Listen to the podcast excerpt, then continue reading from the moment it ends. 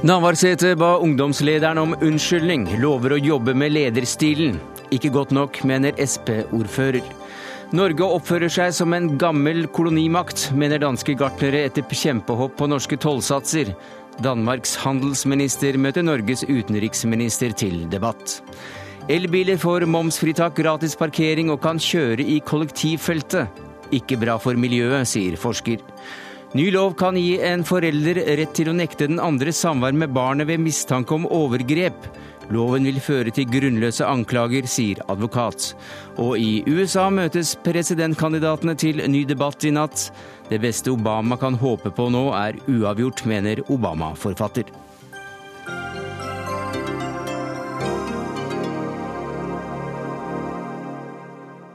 Ja, Det er noen av sakene i Dagsnytt 18 denne tirsdagen, der vi også får høre om en ny norsk portal inn til et av verdens mest berømte universiteter. Men vi eh, begynner med dagens pressekonferanse, der Senterpartileder Liv Signe Navarsete og Senterungdommens Sandra Borch fortalte om oppvaskmøtet de hadde i går. Jeg har altså gjentatt min årsaking uten atterhold eh, for det som skjedde på Dyrøy. Eh, og at jeg ikke tok kontakt tidligere for å beklage det. Eh, jeg har også sagt til Senterungdommen og, og Sandra, som eh, representerer dem i sentralstyret, at jeg skal jobbe videre med min eierstil og hvordan jeg møter mennesker. Men ikke minst skal vi jobbe videre sammen for å få et bedre samarbeid mellom Senterpartiet sin moderorganisasjon og Senterungdommen.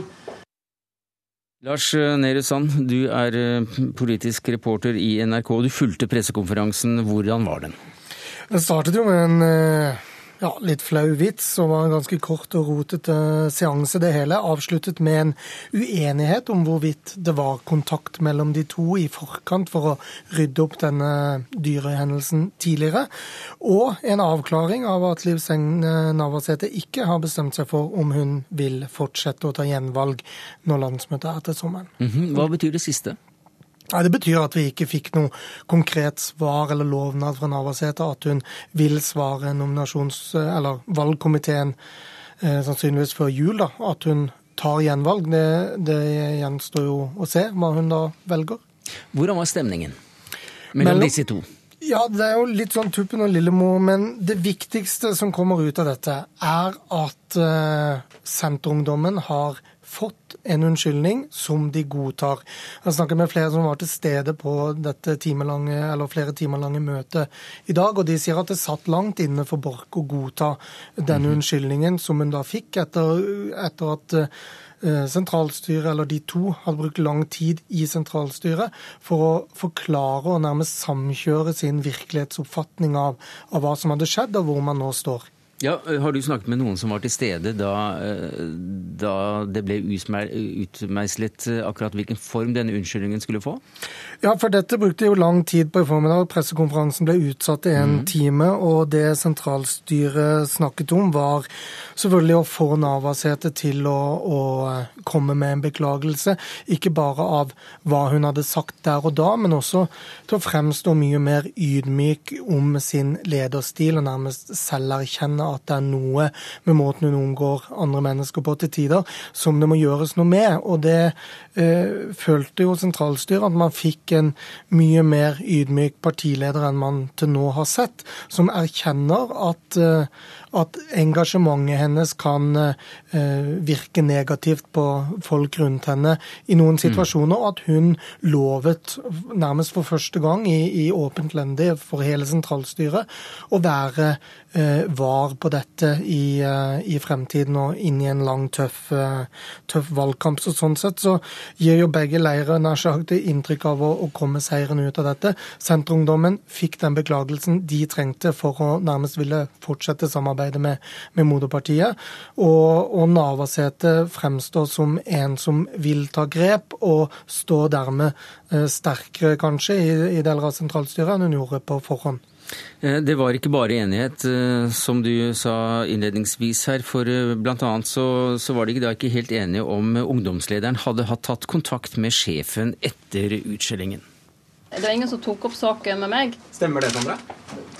Ja. Eh, jeg eh, Sendte ikke du en SMS og prøvde å ringe Navarsete? Jeg prøvde å ringe Navarsete etter dyreseminaret, men eh, jeg skjønner at det er mye, mye å gjøre i ettertid av den, den saka. Så du har forsøkt å ta kontakt med Navarsete? Jeg har aldri, jeg har aldri registrert slik, et slikt forsøk. Er denne saken da lagt død, slik de gjerne vil gi inntrykk av, Lars Nehru Sand? Selve Dyrøy-seansen er nok det. Altså, de føler begge to, sentralstyret virker som føler, at det har man snakket ut om, snakket ferdig om.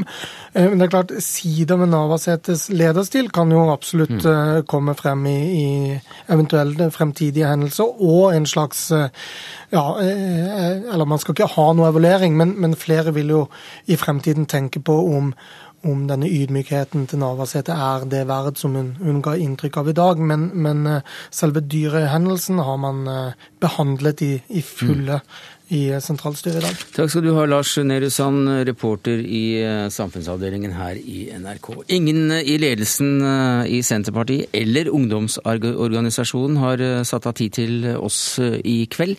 Men Steinar Lyngstad, du er Senterpartiordfører i Namdalseid. Og du sa til NRK tidligere i dag at du var kritisk til Liv Signe Navarsetes lederstil. Hva synes du om hennes løfter på pressekonferansen?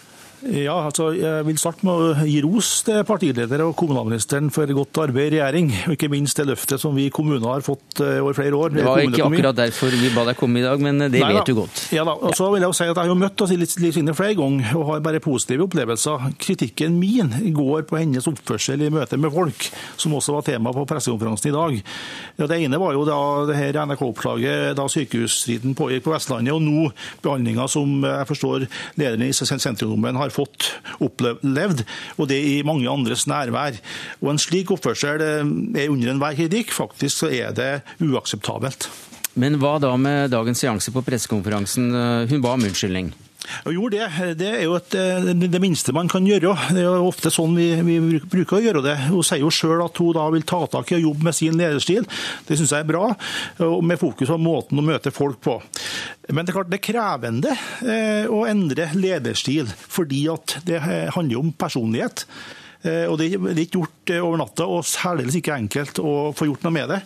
Eh, jeg har vel ønska at hun har lagt lista enda høyere enn hun har gjort i dag, ved å si at dette her skal ikke skje igjen. Det sa hun ikke det? Jeg opplevde ikke det. Hun skulle jobbe med, med lederstilen sin og, og i, med fokus på måten å møte folk på. Det var det jeg opplevde hun svarte på i dag. Du har gått så langt som til å si at hennes lederstil kan skade partiet. På hvilken måte? Altså, det, det, skader partiet, og det skader kanskje hun enda mer. Men altså, jeg tenker på de ungdommene som var til stede da, eh, i den seansen med Sandra Borch. Eh, de ville kunne kvie seg kanskje for å engasjere seg i Senterpartiet, når de opplever at takhøyden og meningsytringene oppleves som begrensa. Takk skal du ha, Steinar Lyngstad. Du er Senterpartiordfører i Namdalseid. Det var eh, så langt eh, vi kom med da en, eh, en politiker, Pernille Huseby. Du er politisk redaktør i Nasjonen, altså en avis som tradisjonelt står dette partiet ganske nært. Lederstilen til Navarsete kan skade partiet, frykter også ordføreren her. Hva tenker du om det? Jeg tror han har helt rett i, fordi den måten som har blitt beskrevet, hvordan hun oppfører seg overfor både medarbeidere og vi har sett det i forhold til velgere, og nå eh, innad i, i, forhold til ungdomspartiet, så, så, får det jo det resultatet at folk mister engasjementet for partiet. Eh, vi hadde et intervju med en tidligere ordfører i Lom, Simen Bjørgen, nå i helgen, som fortalte hvordan hans engasjement sakte, men sikkert eh, stoppet helt opp. Og han har kommet, gått helt ut av partiet og helt ut av politikken. Eh, og det er klart at eh, når man mister politiske talenter underveis eh, i, eh, av et, eh, et sikkert velment og godt engasjement, men kombinert med en litt overdose som da den ender opp i sinne, mm. eh, så, så, skader det selvfølgelig partiet, for du mister talenter, og du mister viktige prosesser innad i partiet med å få opp både ideer og debattere saker på en skikkelig måte. Men nå er alt i orden etter pressekonferansen, eller hva sier du Kjetil B. Alstaheim, kommentator i Dagens Næringsliv? Det viktigste i dag, tror jeg, særlig for Senterungdommen, var jo at uh, Navarsete innrømmet at dette ikke var, handler bare om en enkelt episode uh, uh, oppe på, på, Dyrøy, men at hun har et generelt problem med sin lederstil eller med sin oppførsel. og det, det, tror jeg var, var viktig for, for Senterungdommen, og derfor de sendte dette brevet til sentralstyret. Eh, og så er det noen som har prøvd å, å tolke dette inn i en, en, fløykamp eller en lederstrid eller noe sånt, og at eh, de bruker denne enkeltepisoden i et taktisk spill. Men uh, her har jo da Navarsete stått frem i dag og sagt at hun har et problem og skal forbedre seg. Og det, det, er jo en ganske sterk innrømmelse. Hun har vært statsråd siden 2005. Mm. Hun har vært partileder siden 2008. Og så må altså sentralstyret nærmest vedta at hun ikke skal skjelle ut folk lenger. Går det an å vedta slike ting? Nei. Det er, dette blir jo krevende for henne. Hun skal endre sin, den måten hun oppfører seg på. Hun skal slutte å eksplodere, og det å la være å eksplodere er ikke så lett hvis du har en, en legning for å eksplodere. Og hun skal gjøre det i en situasjon der Senterpartiet ligger veldig dårlig an på målingene. Eh, regjeringsprosjektet, de rød-grønne, er på vei mot eh, et havari ved neste valg. Så hun er jo allerede en, i en veldig presset situasjon. Og i den situasjonen så skal hun eh, bli bedre på, på impulskontroll. Det tror jeg blir veldig vanskelig. Jeg tror også at eh, det er en sånn todelt ting. Én ting er at hun vil måtte legge en del bånd på seg selv.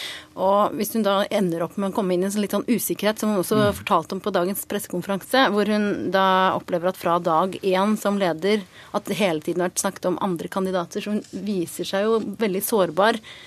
Og samtidig da Hun legger jo med dette her heller ikke da Det stopper ikke den diskusjonen om hvem som kan komme som etterfølgere etter henne. Eh, og så har hun en, selvfølgelig en positiv side ved å ha det engasjementet, for hun skiller seg jo ut i den litt sånn dresskledde, pene, pene folden av, av, av litt sånn BI-politikere ja. sånn, som, som, er veldig veldresserte og aldri sier noe feil. Ja, og det sier, har hun ting. Hun sier selv om seg selv at, eh, at, eh, at, hun har et vestlandsk temperament og frimodighet. Og det ser jo du på, på som, som, som positivt. Ja, det, altså, det, er flott at vi har en, et litt bredere utvalg av politikere enn en de som aldri sier, aldri formulerer en setning feil. Eh, eller eventuelt da kommer fram med litt følelser i ny og ne. Og det, jeg tror fra, sett fra velgernes ståsted, at det kan være litt befriende mm. å ha noen som kommer ut med en eh, fri og god mening. Men forskjellen er jo fra liksom å gå fra å komme ut med følelsene sine til å direkte skjelle ut eh, velgere eller andre medarbeidere. Da. For det er ikke akkurat temperatur vi er for bortskjemt med i norsk politikk? Nei, men eh, Og jeg tror egentlig at hun eh, kunne eh, Det ville vært lettere for mange i partiet og andre å tilgi henne den episoden på Dyrøy hvis, hvis, hun selv hadde sett etterpå at her gikk jeg over streken. Men her måtte hun jo da dras ut av situasjonen eh, på Dyrøy av en, en stortingsrepresentant. Trekkes Jaha. unna. Fysisk? Eh, ja, hun måtte liksom geleides vekk fra, fra Sandra Borch.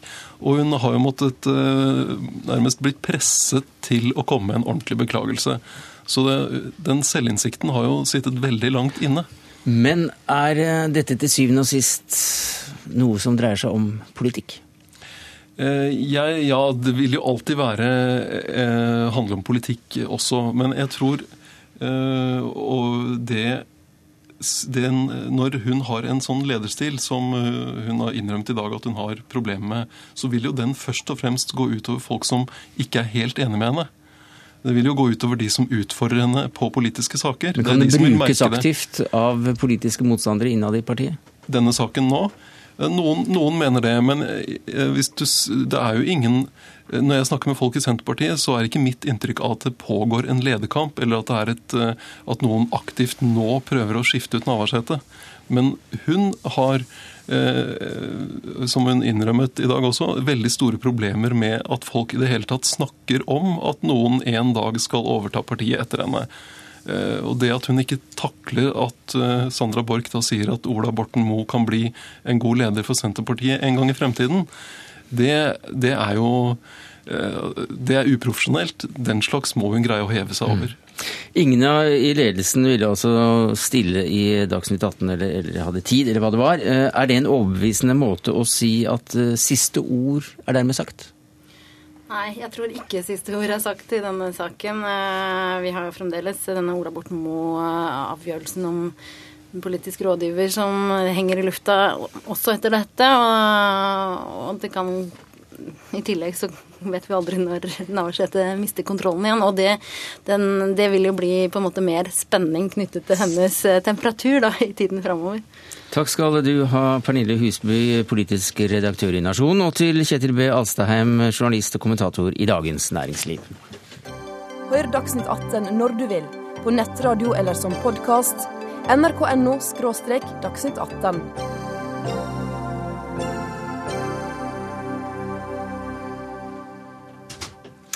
Ja, Om eh, tre uker i dag så avgjøres det altså hvem som skal bli verdens mektigste mann de neste fire årene.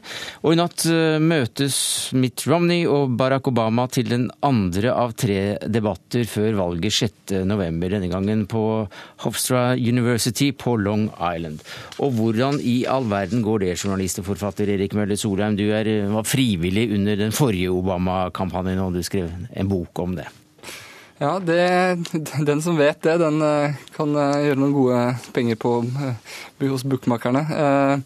Forrige debatt gikk jo veldig dårlig for, for Obama.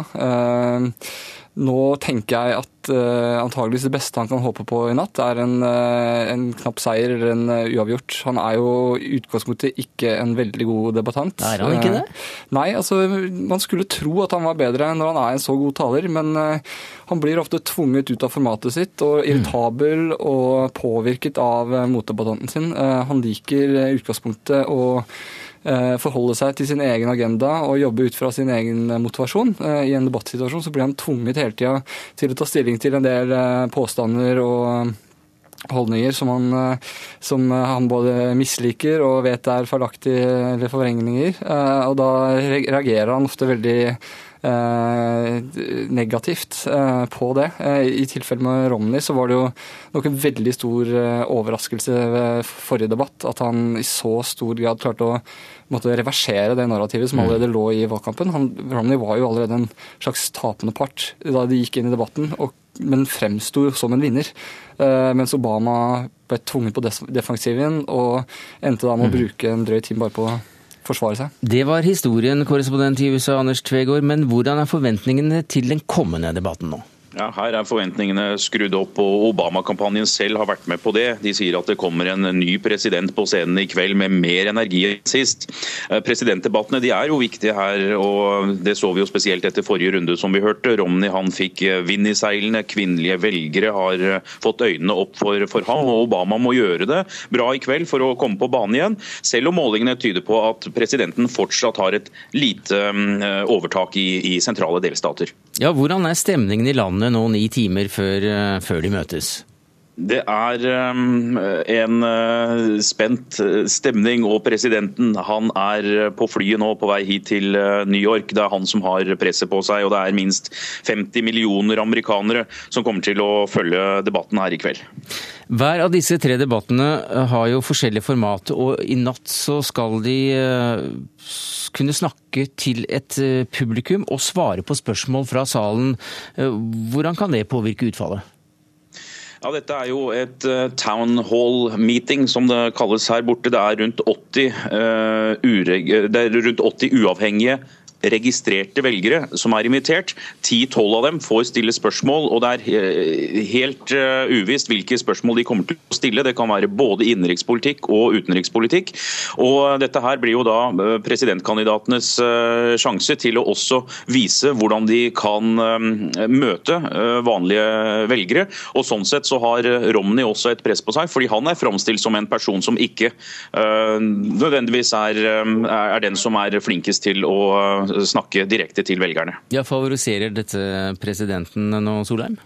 Det kan godt hende at de gjør det. Eh, samtidig så tror jeg, eller tviler veldig sterkt på at eh, Romney ikke er forberedt på å møte den eh, påstanden eller den forventningen da, med, som han gjorde sist, ved å snu, snu på fjæra. Han klarte i så stor, grad å reversere de forventningene som var til han sist, at det vil ikke overraske meg han også gjør det veldig godt innenfor det townhall-formatet. Han er en veldig god debattant. Men i USA så, så er det ikke vanlig, uh, Tvegård, at toppolitikere møter hverandre hele tiden i debatter, slik, slik vi er bortskjemmet med her i Dagsnytt 18, og for ikke å snakke om Aktuelt og Debatten etc. etc. Uh, de er altså ikke vant til debattformen som toppolitikere. Uh, hvordan kan det påvirke utfallet? Ja, det, er jo, det er jo da den eh, ærlige, ærlige, diskusjonen som eh, kommer. og Ingen av oss har sett eh, kandidatene de siste dagene. De har låst seg inne i, i hvert sine hovedkvarter for å øve og forberede seg. Og mm, Det er også en scene der flertallet av amerikanerne får sett begge to. Det er ikke slik at altså Under den bitre nominasjonskampen til, til Romney så var det stort sett republikanere som fulgte med på det. Demokratene har ikke blitt kjent med Romney på samme måte. Det gjør de gjennom disse presidentduellene. Og Sånn sett så har de mye større betydning eh, nå enn det de har hatt tidligere. Men temavalget, da? Er det overhodet ikke noe temaer for kveldens seanse?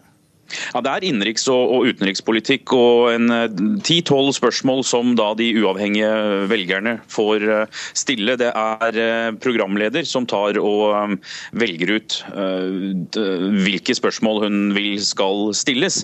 Men det er ingen føringer på, som det var under første debatt, hvor det skulle handle om økonomi, og neste debatt i Florida allerede mandag, som skal handle om utenrikspolitikk. I dag så er det begge deler. Ja, for akkurat når det gjelder utenrikspolitikk, så hørte vi altså Clinton nærmest påta seg eh, skylden for, eh, i hvert fall som lynavleder for presidenten når det gjaldt disse mordene i, i Libya. Og hvordan oppfattes det i USA, og hvordan kan det brukes nå i, i valgkampens fase og i kveldens debatt, Tvegård, at utenriksministeren så, så å si altså tar på seg skylda for en president? Ja, hun er, hun er, en lynavleder, og utenriksministeren i USA har ikke noe med, med kampanjen og, og, valget å gjøre i utgangspunktet. Men det er klart at Hillary Clinton jo, ser jo at dette her er en vanskelig sak for presidenten. og Det er jo ikke noe tvil om at det er utenriksministerens eh, ansvar eh, å lede utenriksstasjonen og også sikkerheten der. Men siden dette er Libya, eh, så er det jo ikke utenkelig at Det hvite hus er holdt orientert. og det skjer også et eh, terrorangrep 11.9. Det er en vanskelig sak for eh, Det hvite hus. Clinton forsøker å si at eh, hun tar alt ansvar her, og det koster henne veldig lite å gjøre det, fordi ansvaret ligger også hos henne. Og hun skal heller ikke stille til gjenvalg, og hun skal gå av som utenriksminister etter dette valget. Erik Møller Solheim, du følger også valgkampen og debattene her tett. Du skrev boka 'En stemme for Obama' etter dine egne opplevelser ved forrige valg. Hva tror du kommer til å skje klokka ett i natt eh, norsk tid på Long Island utenfor eh, New York? Jeg tror vi får se en Obama som prøver å gå langt mer eh, offensivt ut. Problemet med forrige debatt var at, at Obama mislykkes på det området som, regnes, som regnes som hans sterkeste side, nemlig hans personlige troverdighet. Altså er, han har vært så god til å fortelle historien om Amerika og historien om de viktige temaene, og sy seg selv inn i den historien på så god måte at folk nærmest han har blitt sånn uatskillelig fra kampsakene sine ved å fremstå så, så uh, liksom, uten selvtillit og så uten glød som han gjorde sist, så, så, falt det korthuset litt sammen. Så det han er nødt til å prøve å gjøre nå, er å rett og slett bare gjenreise den tilliten og få folk til å tro at han engasjerer seg igjen, og få folk til å tro at han tror på det prosjektet han har starta. Eh, akkurat som Biden gjorde under forrige debatt med bravur. Og For deg og likesinnede så blir det en sen kveld? Det blir nok en sen kveld eller en tidlig morgen, alt ettersom. Takk skal du ha, Erik Mølle Solheim, forfatter og journalist, og til deg, Anders Tvegård, vår korrespondent i USA.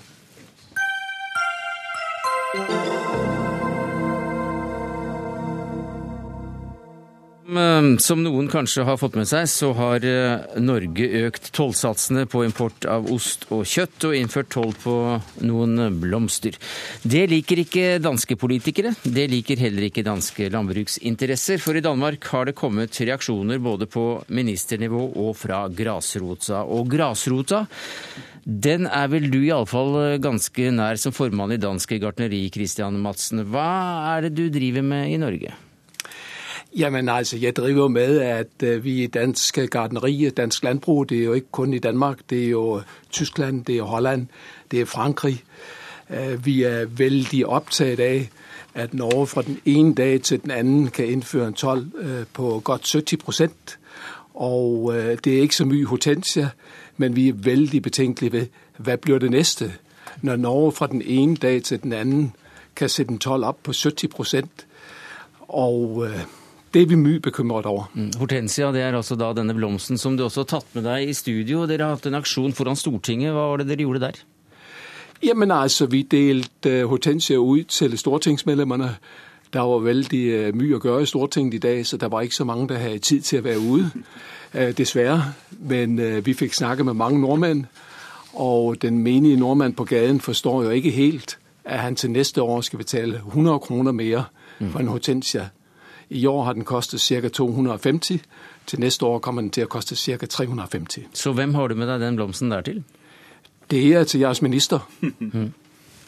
Da kan du vær så god å gi den. Og Espen Barth Eide, velkommen til studio som norsk utenriksminister. En eh, blomsteroverrekkelse. Si det med blomster, heter det. Hva vil du si tilbake? Jo, tusen takk. Det er en veldig fin eh, blomst. Dette er jo en viktig, viktig, diskusjon, men jeg har lyst til å bare presisere at det er forskjell på den endringen som faktisk har skjedd på visse matvarer og det som gjelder blomsten stuehortensia, som eh, de som har TV og ser på den, eh, ser her. Fordi at I tilfelle hortensia er det ikke en ny toll. Den tollen har alltid vært der, men den har vært praktisert feil. og Det har tollmyndighetene oppdaget, og nå har de da eh, praktisert riktig den tollen som egentlig skulle vært der hele tiden. Men for danske er, gartnere spiller jo ingen rolle? For danske gartnere er det selvfølgelig en, en forverring. likegyldig. Handels- og investeringsminister i Danmark, Pia Olsen Dyr. Det var fint du kunne ta deg fri og komme til Danmarks Radio i dag. Hva synes du om at danske gartnere går til aksjonen i Norge? Jamen, jeg har meget sympati for deres aktion, fordi i virkeligheden handler det i bund og grund om, at Norge tager nogle meget drastiske skridt over for deres nærmeste samarbejdshandler øh, ved at indføre 12, ikke kun på Tentia, som jeres minister siger er en fejltagelse, men egentlig også på ost, lammekød og oksekød. Og i, sidste ende betyder det, at norske forbrugere skal betale mange flere penge for de her varer, og at øh, vi mister arbeidsplasser andre steder i Europa. Ja, Du syns ikke dette er noe særlig solidarisk handling? Nei, jeg synes, den er decideret usolidarisk. Og især i en tid, hvor vi har økonomisk krise i Europa, hvor vi har brug for, at de rigeste lande er med til å få gang i veksten. Det gør vi ikke ved å bo oss innen bag tolvmure. Det gør vi ved å handle med hinanden og åpne op. Mm. Vi har normalt set Norge som en sterk allieret, og det håper jeg sådan set stadigvæk, at Norge vil være øh, i internationale forhandlinger for at sikre frihandel. Men så går det ikke, at man gør det modsatte hjemme. Er? Ja, nå har jeg lyst til å si til eh, min gode kollega Pia Olsen Dyhr at det er jo slik at både EU og Norge har et omfattende importvern. Det er jo ikke slik at EU er gjennomliberalisert og åpnet opp for eh, f.eks. u-landsmarkedet. Det er betydelig beskyttelse i EU, og det er betydelig beskyttelse i Norge. Det er en helt sentral del av eh, alle vestlige lands landbrukspolitikk at vi både har eh, importtoll og subsidier til vårt eget landbruk. Så har vi noen avtaler gjennom EØS-avtalen og Verdens handelsorganisasjon, og vi holder oss klart mm. innenfor de reglene. Eh, for de reglene gir et handlingsrom som vi da har utnyttet til å justere noe på tollen. Men jeg har lyst til å si at for flere av disse varene har vi både utvidet den tollfrie kvoten og økt tollen etter mm. at den tollfrie kvoten er nådd. Så det går altså begge veier. Og forlot. Det er vel alt i orden? Nei, det synes jeg sådan set ikke. Det er, det er korrekt, øh, som jeres minister sier, at øh, man må det her innenfor regelsettet. Det er hverken brudd på internasjonale handelsregler, det er heller ikke brudd på aftaler med EU. Men det er jo noe der heter juridisk korrekt, og det er noe der heter moralsk korrekt. Og når man ønsker, som Danmark gjør, og jeg ser faktisk en sterk allieret i Norge, at få mere frihandel generelt, og vi arbejder faktisk ganske hårdt på den her sag, også inden for EU, så er det problematisk, at man går i den modsatte retning. Øh, det fordi, også, at, ja, bare fortsæt, undskyld at jeg afbryter dig. Nej, men det, det er i orden. Det er lidt svært, når man ikke sidder ved siden mm. af hinanden. Men, men vi har brug for i øjeblikket, for at få gang i væksten, så har vi faktisk brug for at handle med hinanden. Det er det, der skaber arbejdspladser. Og når vi har mistet 200 arbejds, 200.000 arbejdspladser i Danmark, så tager jeg det faktisk meget alvorligt, at når vi kommer til at miste højst sandsynligt salg af ost til Norge, vi har mistet hortensierne, hvad kan det eventuelt betyde for oksekød og lammekød? Det kan vi ikke helt vide, men det har konsekvenser, når man burer sig inde. Jeg synes, det er ærgerligt, og jeg synes ikke, det er den rigtige vej at gå. Jeg har veldig stor respekt for at uh, Pia Olsen Dyhr forsvarer uh, danske interesser. jo, men Hva syns du om at hun sier norske... at det er umoralsk? Ja, altså, jeg tror verken EU eller Norge konkurrerer i moralklassen når det gjelder eh, å bygge ned tollhindre, fordi at vi har ganske mye av det begge to. Eh, og det er eh, På landbruksvarer er det altså slik at moderne vestlige lands landbruk er bare drivverdige i det lange løp hvis man har en beskyttelse mot utlandet. er det riktig med... at Danmark har like høye tollsatser som Norge, Olsen Dyhr? Det er korrekt, at EU også har høje tollsatser over mm. visse land. Det er jeg sådan set enig i. Men det, jeg vil anholde, det er jo, at Danmark i EU-kredsen igjen og igjen har kjempet for en avskaffelse av støtten til landbruget. Det har vi gjort, fordi vi mener, at landbrug skal kunne drive seg selv på markedsvilkår. Mm. Så det er jo ikke sånn at vi sitter og prøver å beskytte vores landbrug på denne her måde. Og jeg vil gerne også anholde det her argument med, at vi i forvejen har travlt med å lukke oss inden for øh, udviklingslandene. EU har jo særaftaler for de fattigste landene i verden, der kan sælge til EU tollfritt. Så jeg tror, det vi skal begynde at diskutere, det er samarbejdet mellem EU og Norge, og de konsekvenser, det her kan få, når Norge vælger at gå en anden vej, end det, der ligger i ånden mm. i EØS-aftalen, hvor man arbejder mod handelsliberalisering. Ja, hvilke konsekvenser kan det få for Norge ved, ved at Norge har innført uh, nye tollsatser? Jamen, der står i EØS-aftalen, at vi skal gå mod handelsliberaliseringer. Det vil betyde, at man skal sætte tollen ned og gøre det nemmere at handle. Norge gør det modsat lige nu. Og jeg, vil, jeg kan ikke svare for, hvordan mine EU-kollegaer vil reagere på det. Men, men du kan vel antyde hva, hva Danmark vil be EU om? Vil dere be om økte satser på toll på norske fiskerivarer f.eks.? Nej, det tror jeg ikke er den rigtige måde å gøre det i øyeblikket på. Jeg har jo nettopp lige argumenteret for, at vi skal ha økt samhandel. Mm. Jeg sier bare, at mine EU-kollegaer, og jeg har jo alligevel 26 av dem, 26, øh, er måske ikke helt så interesseret i frihandel altid, som jeg er. Mm. Så det skal Norge også være oppmerksom på. Men, men jeg vil lyst til å si igjen at øh, Danmark og Norge er jo veldig veldig enig om det aller aller meste når det gjelder det internasjonale handelsregimet. Og det er helt riktig som min kollega sier, vi er, vi er gode partnere i, i, det aller meste av det. Mens når det gjelder landbruksvarer, så er det som de fleste av lytterne vet, litt forskjell på Danmark og Norge. Vi ser litt forskjellig ut. Danmark er da fruktbart og flatt, og vi er karrig og ganske kupert og ligger litt annerledes til i verden. Og det er rett og slett ikke mulig for Norge å drive et landbruk slik vi gjør i dag, uten å ha en kombinasjon av eh, importvern eh, og subsidier. Og Derfor gjør vi det. og det er Kanskje en av grunnene til at Norge ble stående utenfor EU, er at vi ønsket å føre en, eh, en beskyttende landbrukspolitikk. Det er på en måte ikke noe som oppsto nå, sånn har det vært i, i mange år. Så du bør ikke være overrasket, Olsen Dyr? Nei, men jeg vil si at jeg kan egentlig godt forstå, at man har behov for å beskytte norsk landbruk.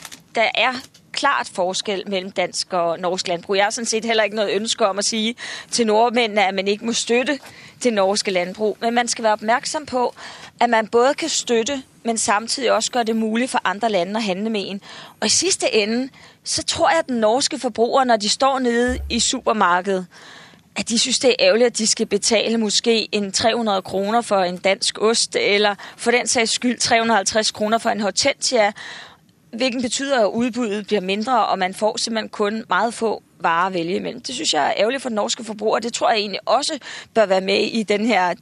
Diskusjon. Men nå har også eksporten fra EU til Norge i landbruksvarer økt med 145% siden år 2000, mens den norske eksporten av landbruksvarer til EU har økt med bare 45% Så det har vært betydelig mer økning i importen enn i eksporten.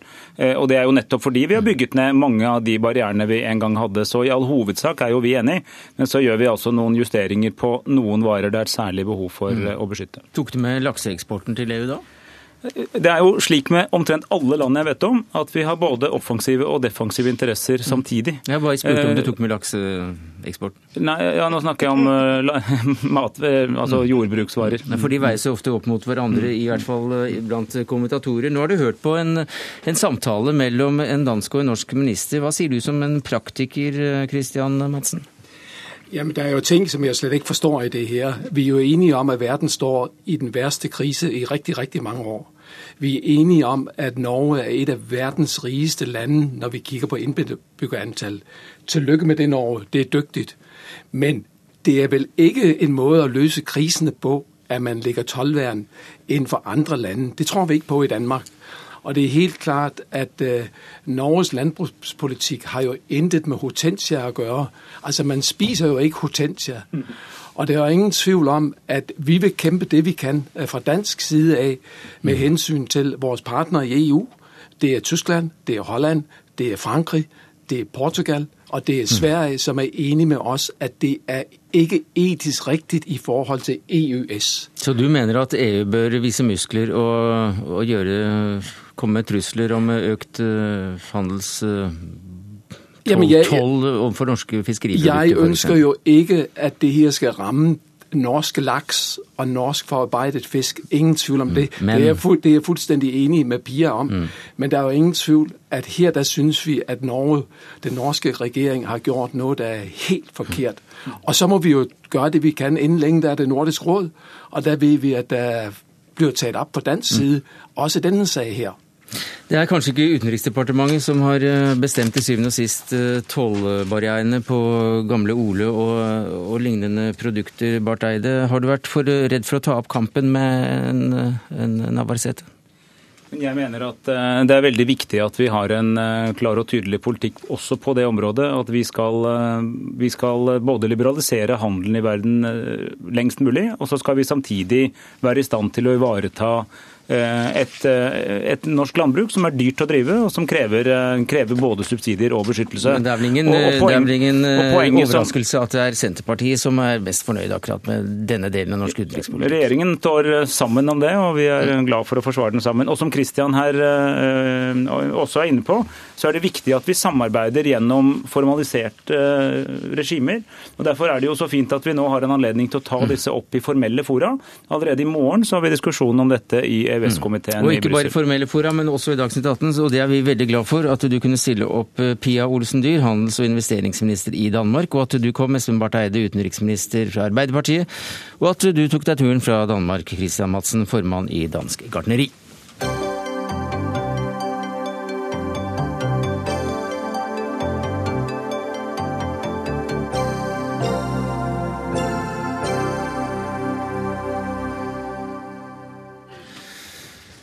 Vi skal snakke om barns beste her i Dagsnytt 18. For i dag er det slik at en forelder må ha rettens kjennelse for å nekte den andre samvær med barnet. Men nå er en ny lov ute på høring som kan gi en av foreldrene rett til å nekte den andre samvær med barnet ved mistanke om vold og overgrep. Og hva slags forslag er dette, barne-, likestillings- og inkluderingsminister Inga Marte Thorkildsen?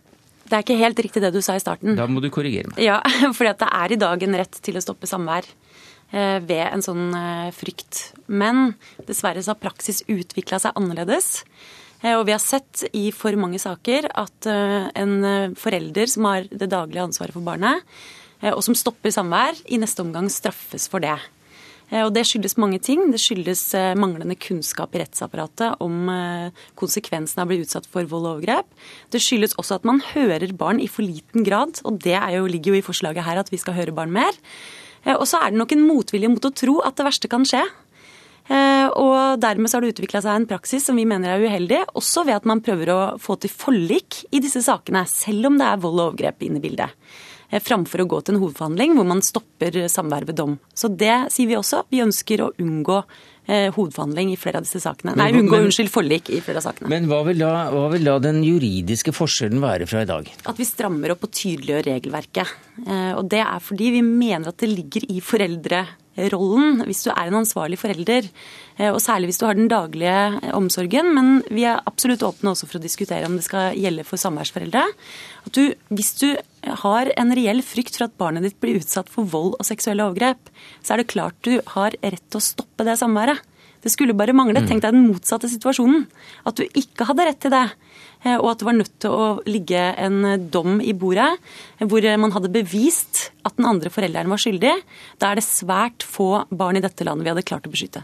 Kristian Kramer, du er advokat og du er spesialist i barnerett. Er med på nettsiden verdensbestepappa.no. Loven vil virke mot sin hensikt, sa du til NRK da lovforslaget ble presentert. Hva mente du med det? Det er det som er bekymringen, og grunnen til det er at Eh, det er viktig i disse sakene å holde konfliktnivået på et lavest mulig nivå.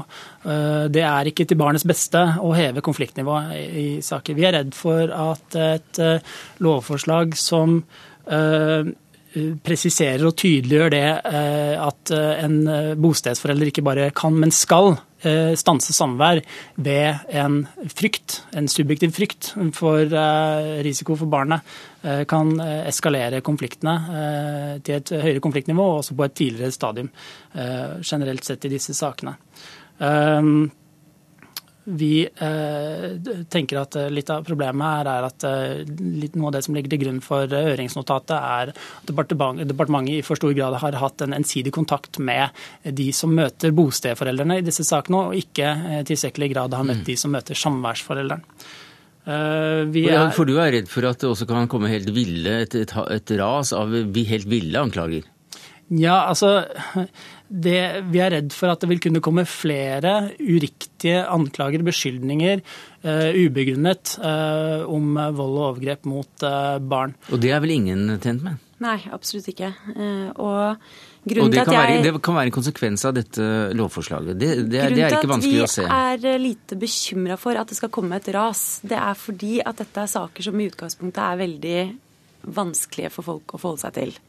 Eh, det vi har av forskning på dette, f.eks. Svein Mossiges doktorgradsavhandling og også annen forskning fra eh, psykologer og andre, viser at eh, foreldre som mistenker at barnet har vært utsatt for i hvert fall for seksuelt overgrep fra den andre forelderen, de leiter etter alle andre tenkelige forklaringer før de liksom lander på at det er seksuelle overgrep. Og Grunnen til det er at det er så stigmatisert.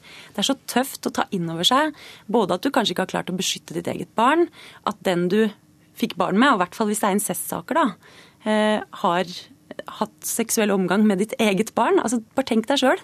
Det er så tøft at det er ikke sånn at disse mødrene liksom trekker incestkortet ved første og mm. beste korsvei. Ja, nei, Det er klart det. Det er, eh, det er eh, veldig stigmatiserende. Og, og, for de aller fleste så vil det ligge langt unna å komme med slike anklager. Men jeg vil reise spørsmål om, om altså, den den, de foreldre som per i dag eh, ikke er i stand til å verne barna sine mot eh, skadelig samvær eller en skadelig, eh, et skadelig omsorgsmiljø hos bostedsforelderen, de treffer man uansett ikke med dette lovforslaget. Hvorfor ikke? Nei, altså fordi dette det er personer som av ulike grunner ikke er i stand til å ivareta sine barns interesser på en adekvat måte. Og, og enhver forelder, eh, også etter dagens eh, lovverk, eh, forstår at du kan hindre alt, alt som går utover og, kan skade mm. barnet ditt. Ja, det, jeg forstår ikke egentlig helt det, men det vi i hvert fall har sett, da, det er at praksis i domstolene Det er ikke riktig at vi bare forholder oss til hjelpere oppi dette eller incestsentrene eller andre, selv om de er veldig fornøyde med det forslaget. Det er også Barneombudet for øvrig. Eh, men vi har gått gjennom svært mange saker som har vært eh, gjenstand for rettsbehandling. Eh, det skal også sies, og det er veldig viktig for meg å understreke, at vi setter ikke nå selvtekt i system. Det er sånn at vi også foreslår å endre loven på et vesentlig punkt, nemlig at hvis en forelder stopper samværet, så skal man kunne kreve hurtigbehandling for en domstol, og en midlertidig avgjørelse. Mm. Ja, for I dette lovforslaget så ligger det en sterk kritikk av, av hvordan domstolen i dag behandler barnefordelingssaker, hvor vold eller overgrep, overgrep ligger til grunn. Altså, hvis, det vi ser er jo at det er en utrolig stor mismatch mellom det vi vet av omfang av seksuelle overgrep og vold mot mm. barn i dagens Norge, og det antall saker du får pådømt. pådømt. I dag så har jeg vært eh, med på å ta imot eh, evalueringsrapporten av barnehusene, som er et veldig godt grep for å øke barns eh, rettssikkerhet. Men det som er tema hele veien, er det er altfor få saker som vi klarer å få mm. til pådømmelse. Altså, vi, vi, ikke, vi, deler ikke den virkelighetsoppfatningen. Eh, vår erfaring er at eh, domstolene tar med største alvor enhver anklage om vold eller overgrep overfor barn. Eh, dette tar man ikke lett på. Eh, mm. Og, og, og alle, både dommerne og, og, andre aktører og sakkyndige som oppnevnes, mm. de altså, tar dette med største alvor. Og det, når det kommer opp den type anklager, så graves det for å finne sannheten. Domstoladministrasjonen sjøl har jo innrømma at dommerne har for dårlig kunnskap om dette. og Derfor har vi satt i gang kompetanseheving både for dem og for sakkyndige. Men noe av forskninga som ligger til grunn for dette forslaget her, det er bl.a. Kristin Skjørten sin forskning. Og det hun sier er at bare en fjerdedel av barna blir hørt om samvær i saker der fast bosted er hovedspørsmålet. Og det gjelder selv når domstolen legger til grunn at det har forekommet vold. Ja, men Det du sier nå, det er noe helt annet. Det gjelder at barna skal bli hørt. Det er eh, kjempepositivt i dette eh, forslaget. At barna i større grad skal bli hørt, og ikke minst informeres om eh, hva som skjer i disse sakene. Det er veldig bra at og, dere er positive til det. Men hvordan vil du jobbe videre med dette forslaget nå? Ja, nå er det ute på høring, så Men Det høres ut som du har bestemt det allerede? Nei, altså, Vi har bedt om tilbakemelding på veldig mange punkter. Mm. Både spørsmålet om denne retten også skal omfatte samværsforeldre. Det opplever jeg jo er noe av det som er ønsket her. Mm. Eh, og hva slags rolle barnevernet skal spille opp i dette. Om de skal kunne være partshjelper, om de også skal kunne ilegge tvangstiltak overfor samværsforelder. Eh, og det som eh, barnevernet er satt i en veldig skvis i disse sakene i dag. fordi at det eneste de kan gjøre, er å prøve Hvis de tror at det er vold eller overgrep som forekommer, og det er en samværskonflikt også, eh, så kan de bare få samvær, nei, mm. bostedsforelder til å gå til sak for å stoppe samvær. Eller de kan ta omsorgen fra eh, bostedsforelderen hvis bostedsforelderen ikke er i stand til å beskytte sitt eget barn. Og Det opplever de også som veldig trøblete, så vi spør hvordan skal barnevernet da plasseres inn i det. Og Svarene får du etter hvert. Takk skal du ha, Inge Marte Torkelsen, barne-, likestillings- og inkluderingsminister. Takk til deg, Christian Kramer, advokat.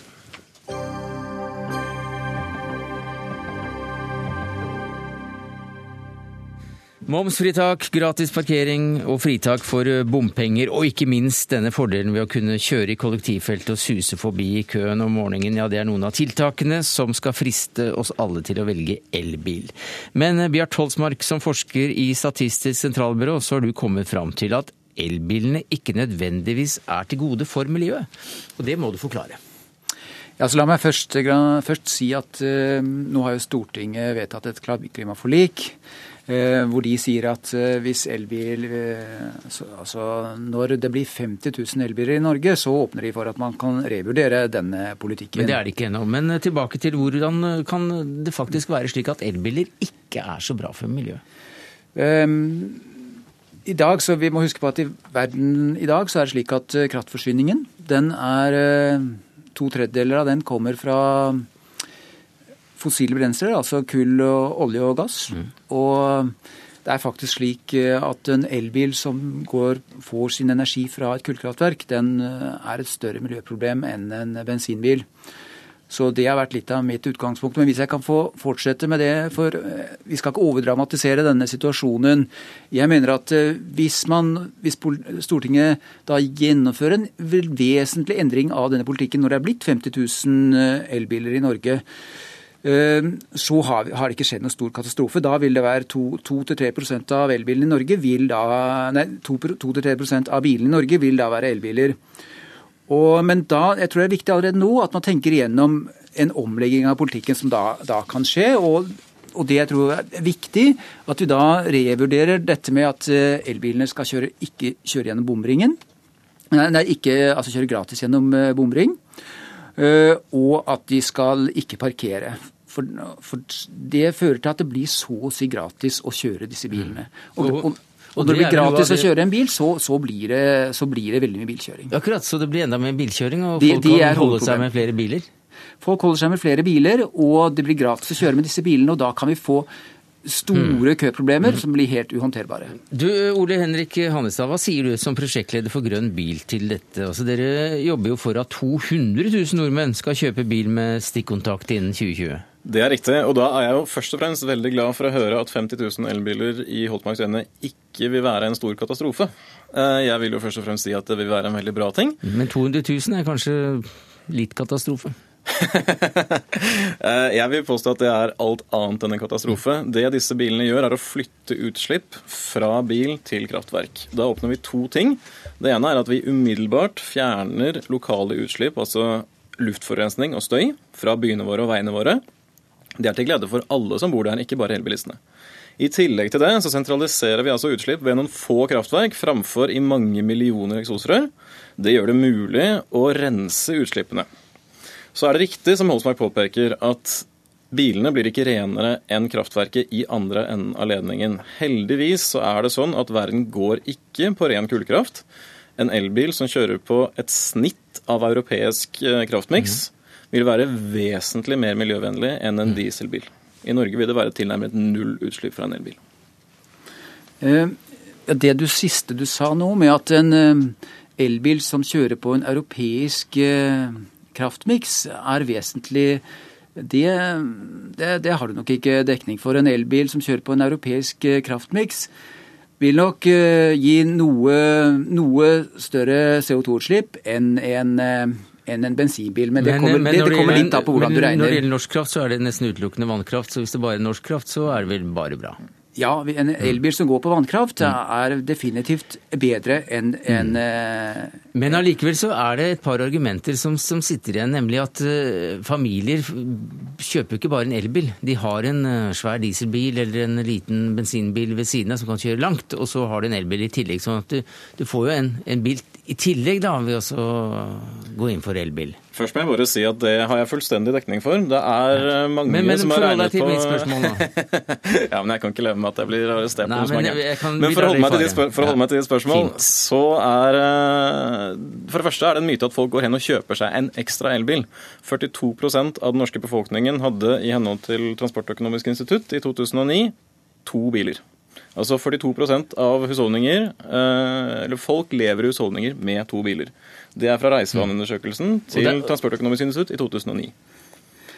Ja, nå korrigerte han seg, så da blir det noenlunde mer riktig. Mm. Eh, mm, men jeg, tror det altså at uh, man skal, sånn som programleder var inne på, det er et problem at elbil har kort distanse, slik at de som da skaffer seg en elbil, de har i all hovedsak en bil fra før av. Og de skaffer seg den fordi, ja, fordi, fordi de skal nyte godt av de fordelene som eh, Selvsagt. Så, så, kunne kjøre inn til byene. og der, så, så altså dette, jeg, jeg, er bekymret for at politikken stimulerer til eh, at flere husholdninger får to biler. Men det er ikke du. Jeg tror at vi må skille mellom et varig tiltak og et stimuleringstiltak. Eh, jeg hadde en diskusjon med noen som mente at handikappede burde ha samme rettigheter som elbilister. Den diskusjonen tok slutt da vi ble enige om at det er ikke et poeng å stimulere folk til å bli handikappet. Det får være alle... siste ord i denne saken. Jeg skjønte ikke helt hva du mente med det, men eh, allikevel, Ole Henrik Hannesdal, takk for at du kom som prosjektleder av Grønn bil. Bjart Holsmark, forsker i Statistisk sentralbyrå.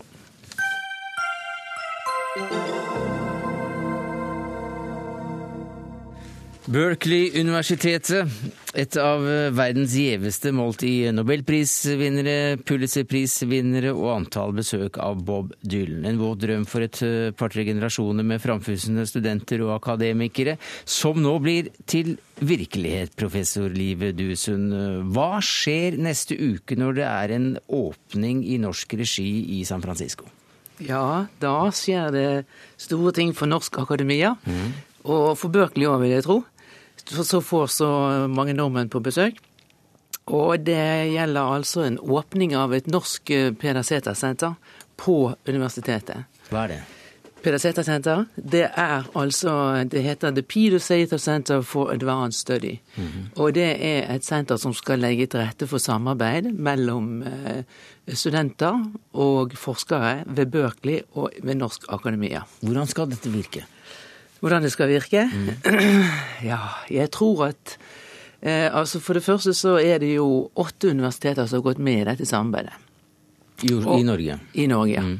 pluss Norges forskningsråd. Eh, men eh, de starter ikke på bar bakke.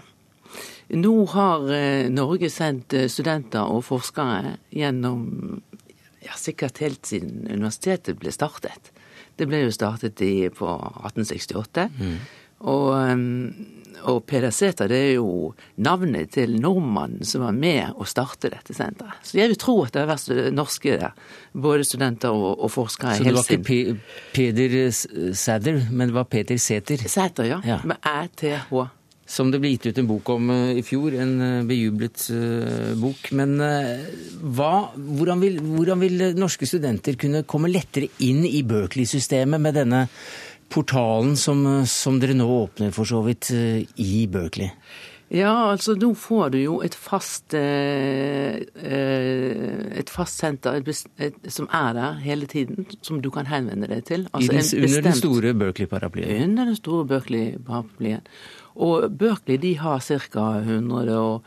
120 internasjonale sentre på campus. Så dette er ikke nytt for Berkeley, men det som er nytt, er at det er Norge. Og Norge har altså mm, hatt studenter og forskere der eh, veldig lenge. Og en som virkelig har vært primus motor når det gjelder å invitere norske forskere, det er den norske professoren som heter Trond Petersen, som er sosiolog. Mm. Som har jobbet mye med dette også? Jobbet veldig mye med dette. Og han har helt fra starten av i 1989, tror jeg det var, han begynte der, og invitert norske studenter og forskere. Og eh, det er jo ikke så lett å komme inn på Berkeley, altså verken som student eller, eh, eller som gjest. Eh, og i alle fall ikke det å få et eh, sånt senter etablert. Er ikke nok å bare komme der og så si jeg ønsker meg et senter og jeg kan betale så og så mye. Og jo, norske oljekroner var vel med å smøre hengslene på de gamle dørene? Du, vi prøvde på å lokke Statoil med i dette mhm. prosjektet. Eller lokke og lokke, vi i hvert fall ville friste de med dette her enestående tilbudet som Statoil kunne gi til det norske samfunn. Eh, men de sa i siste liten så var det en som var imot det. For dette var da tredje gangen dere har prøvd å få dette til, og denne gangen lykkes det. Og ja. hva slags universitet er det da som åpner seg for en del norske studenter? Hvordan vil du beskrive dette, som mange mener er et fenomen i USA? Berkeley-universitetet? Mm, mm. Ja, så da, da, har jeg lyst til å bruke det som studentene selv sier når de kommer tilbake igjen. At eh, altså alt som de gjør av studentaktiviteter, det er, det er gjennomsyret ved at de er student på, på, på, campus. Alt handler seg om å studere. Det er ikke noe skille mellom å, å studere og oppleve kultur eller å gå på Det er en livsstil å studere. De sier også det, at eh, det er, de får mer å gjøre når de er på Berkeley. Eh, men de får også mer hjelp enn de får i Norge. Og det betyr ikke det at i Norge så er man dårlig. I Norge så gjør man mm. jo veldig mye bra. Men nå har nordmennene gjort det så bra på Berkeley i disse årene hvor de har vært der, at de har fått lov til å åpne et norsk Peder-Sæther-senter. Du har jo ellers forsket bl.a. Eh, og skrevet om uro i skolen, og, og Berkeley er vel ikke kjent for de mest strømlinjeformede studentene opp gjennom tidene, og da sikter jeg ikke til kronprins Haakon. Det var vel et, eh, et arnested for eh, studentopprøret eller generasjonsopprøret på 60-tallet? Det var det. Og det var vel der mye av opprøret startet. Mm. Uh, Hippiebevegelsen. Hippiebevegelsen og uh, hele dette studentdemokratiet, mm. som også er høyst levende der i dag også. Og det ligger vakkert til? Det ligger vakkert til ut mot bukten og mot uh, Golden Gate. Og innenfor Peder Sater Gate og foran og midt på campus så ligger Sater Tower mm. som også er til minne om denne, som er reist til minne om denne nordmannen som senteret da oppkalles etter. Peder, Peder Sæther. Fra 1868? Da ble det eh, etablert, ja. Og i den biografien om han mannen i Montgomery Street, som du, som du eh, akkurat refererte til, mm. så dokumenteres det at han var faktisk en av grunnleggerne. Du drar av gårde fredag. Husk å ta med blomster i håret. Og vi nevnte Bob Dylan. Fredag kan ja. du møte ham og Mark Knopfler i det greske teatret på, på Berkeley. Billettene koster eh, fra 50 dollar. Konserten begynner klokka 19.30. Riktig god tur. Tusen takk. Det var det vi rakk i Dagsnytt 18 mot slutten her, takket være Liv Duesund, altså professor i spesialpedagogikk ved Universitetet i Oslo. Dagsnytt 18 denne tirsdagen er over. Ansvarlig for sendinga var Siri Storstein Hytten. Det tekniske ansvaret hadde Hans Ole Hummelvold. Jeg heter Sverre Tom Radøy.